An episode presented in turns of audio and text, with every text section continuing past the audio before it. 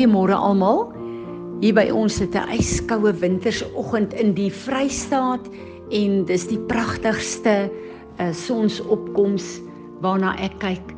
Ek dink altyd aan die woord van die Here wat sê hy is bekleed met die daraad en dan besef ek wow.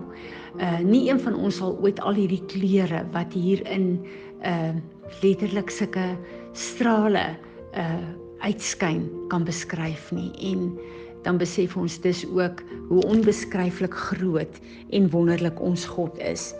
Ons is in die week van Pentekos. Ons het nou Sondag aand 6uur eh, begin, Maandag die hele dag met Pentekos wat uh, die 4de fees is in God se kalender vir ons jaarfeeste wat uh, baie belangrik vir ons is.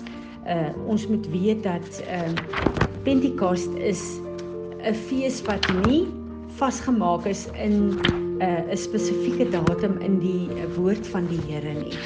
Ehm um, omdat dit uh gekoppel is aan die ehm um, fees van Pessach.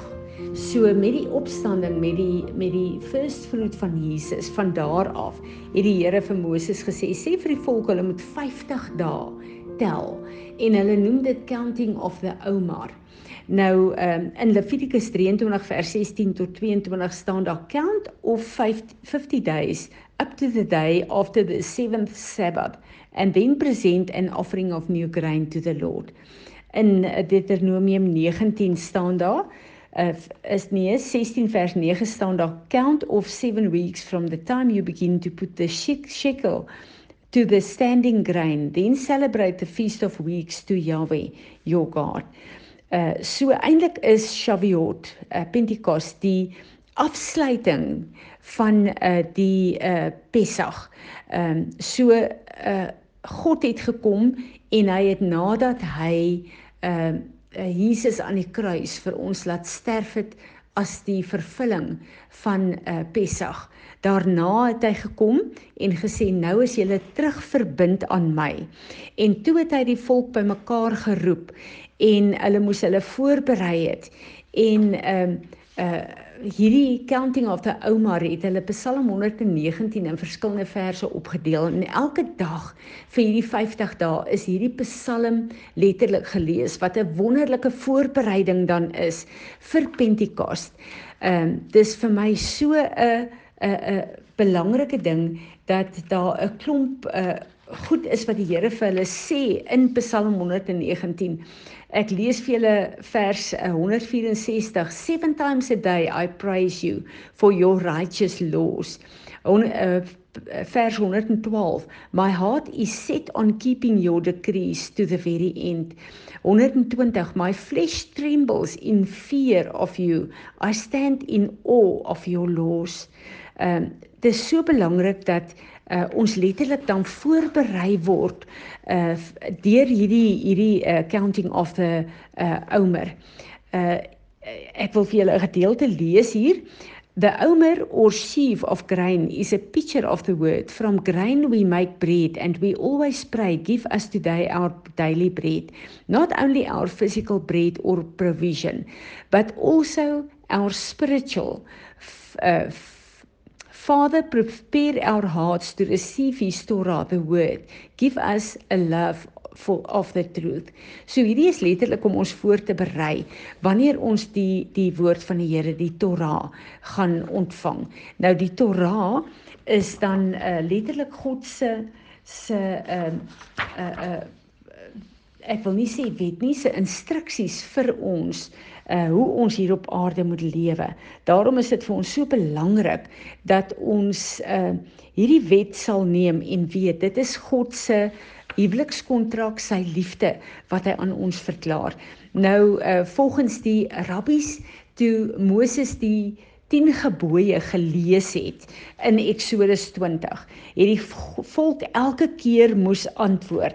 Dit wil sê uh toe die Here gekom het en ek lees vir ons uit die amplified uh, uit en vir hulle gesê I am the Lord your God who has brought you out of the land of Egypt out of the house of uh slavery you shall have no other gods before me. You shall make no for yourself no idol or any likeness form um, manifestation of what is in heaven above or on earth beneath or in the waters under the earth as an object of worship. You shall not worship them nor serve them, for I, the Lord your God, am a jealous, impassionate God, demanding what is rightfully and uniquely mine, visiting, avenging the iniquity, the sin, the guilt of the fathers on the children, that is calling the children to account for the sins of their fathers, to the third and the fourth generation of those who hate me. En dan kom hulle en sê uh uh hulle aanvaar hierdie wet en hulle sê ja op hierdie uh huweliks uh kontrak se reël. Uh so het hy dan gegaan en ehm um, elke een van hierdie 10 gebooie het hy vir hulle gelees en voorgehou en uh elke keer moes hulle gesê het ehm um, ja, ons aanvaar hierdie wet en ons uh, stem saam met wat u vir ons sê. So die die 10 gebooie, die instruksies wat daar gegee is, is letterlik die huwelikskontrak waar God in 'n huweliksverbond met sy volk getree het. En daarom is dit ook vir ons so uh belangrik dat ons sal weet op hierdie dag is 'n dag wat wat ons dan uh voor die Here kom en vir die Here opnuut weer ja sê en dat ons weer sy ehm uh, wet aanvaar as die instruksie van ons lewe. Nou weet ons ook hier het die Here gesê in Levitikus 23 vers 15 tot 17 um, commands the Israelites to wave two loaves baked with leaven before the Lord. Nou weet ons dat met met Pessach moes ons ongesuurde brood ehm uh, geëet het wat 'n heenwysing na Jesus is. Maar hierdie twee uh uh brode verwys letterlik na Israel, maar ook na die Gentiles. Uh en ons is vol sonde. Die woord van God moet ons konfronteer daarmee en dan moet ons dit bely sodat ons al meer en meer kan lyk soos ons hemelse bruidegom en dit is uh, baie belangrik dat ons sal weet dat uh, uh, dit is die wet wat wat uh, uh, um, Moses vir die volk gegee het, maar wat die Heilige Gees vir ons ook gee.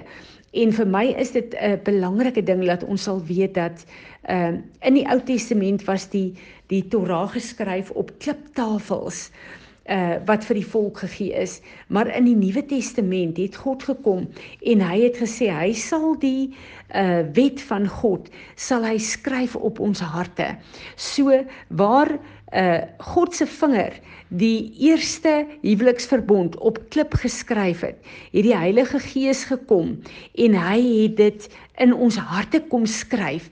In uh, Hebreërs 10 vers 16 staan daar: This is the covenant I will make with him after time says the Lord. I will put my laws, my Torah in their hearts and I will write them uh on their minds. So dis uh belangrik dat ek en jy sal weet met ons wedergeboorte is God se woord die onverganklike saad Jesus Christus op ons harte geskryf. En uh daarom is dit vir ons so belangrik dat ons hy praat hier uh, it will be written on their hearts and in their minds. Ek en jy moet ons gedagtes gevangene neem. Dit gehoorsaam maak aan die uh woord van die Here en ons moet die krag van die van die Torah van sy instruksies van sy gebooie moet in ons hart uh brand. Ehm um, ja, dit is vir my so belangrik dat dit ook sal wys dat uh dit is uh ons is God se kinders. Deur sy uh, woord te gehoorsaam uh sal die mense kyk en sal weet dat ons is uh deel van God en van sy koninkryk. In Psalm uh, 19 vers 7 tot 11 kom Dawid en hy sê oor die die Engels vertaling sê die law maar dis die Torah. The Torah of the Lord is perfect reviving the soul The statutes of Yahweh is trustworthy, making wise the simple. The precepts of Yahweh are right, giving joy to the heart. The commands of Yahweh are radiant, giving light to the eyes. The fear of Yahweh is pure, enduring forever.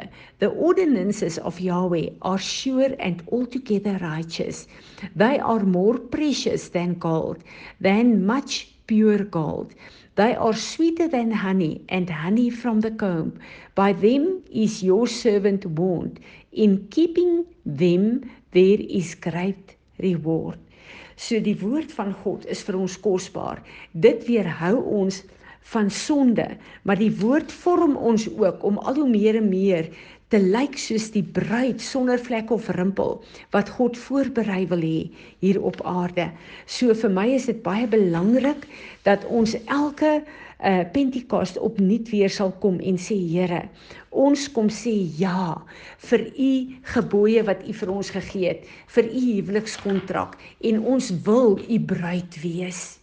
Ek hoop dit vir julle so 'n bietjie insig gegee en julle opgewonde gemaak. Piet, sal jy vir ons bid in in hierdie hele proses vir die Here sê ons hernie ons huwelikskontrak met hom hierdie jaar in 2021. Ja, dankie dat U vir ons die genade gee om om opnuut voor U te kan kom staan. Weet dankie dat U vir ons die genade gee om opnuut die huwelikskontrak, die verbond wat U vir ons gegee het. Jy weet dat dat ons U verbond kan hernie, dat ons opnuut by U voete kan kom sit.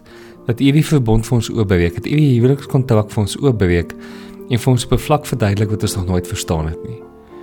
Here, dankie dat ons kan kom ja sê in 2021 met die verbond wat U met ons gesluit het. Here, met die huwelik wat U vir ons gesluit het. Met ons gesluit het, Here. Here, en dankie dat U stap vir stap hierdie huwelikskontrak vir ons kan oopbreek.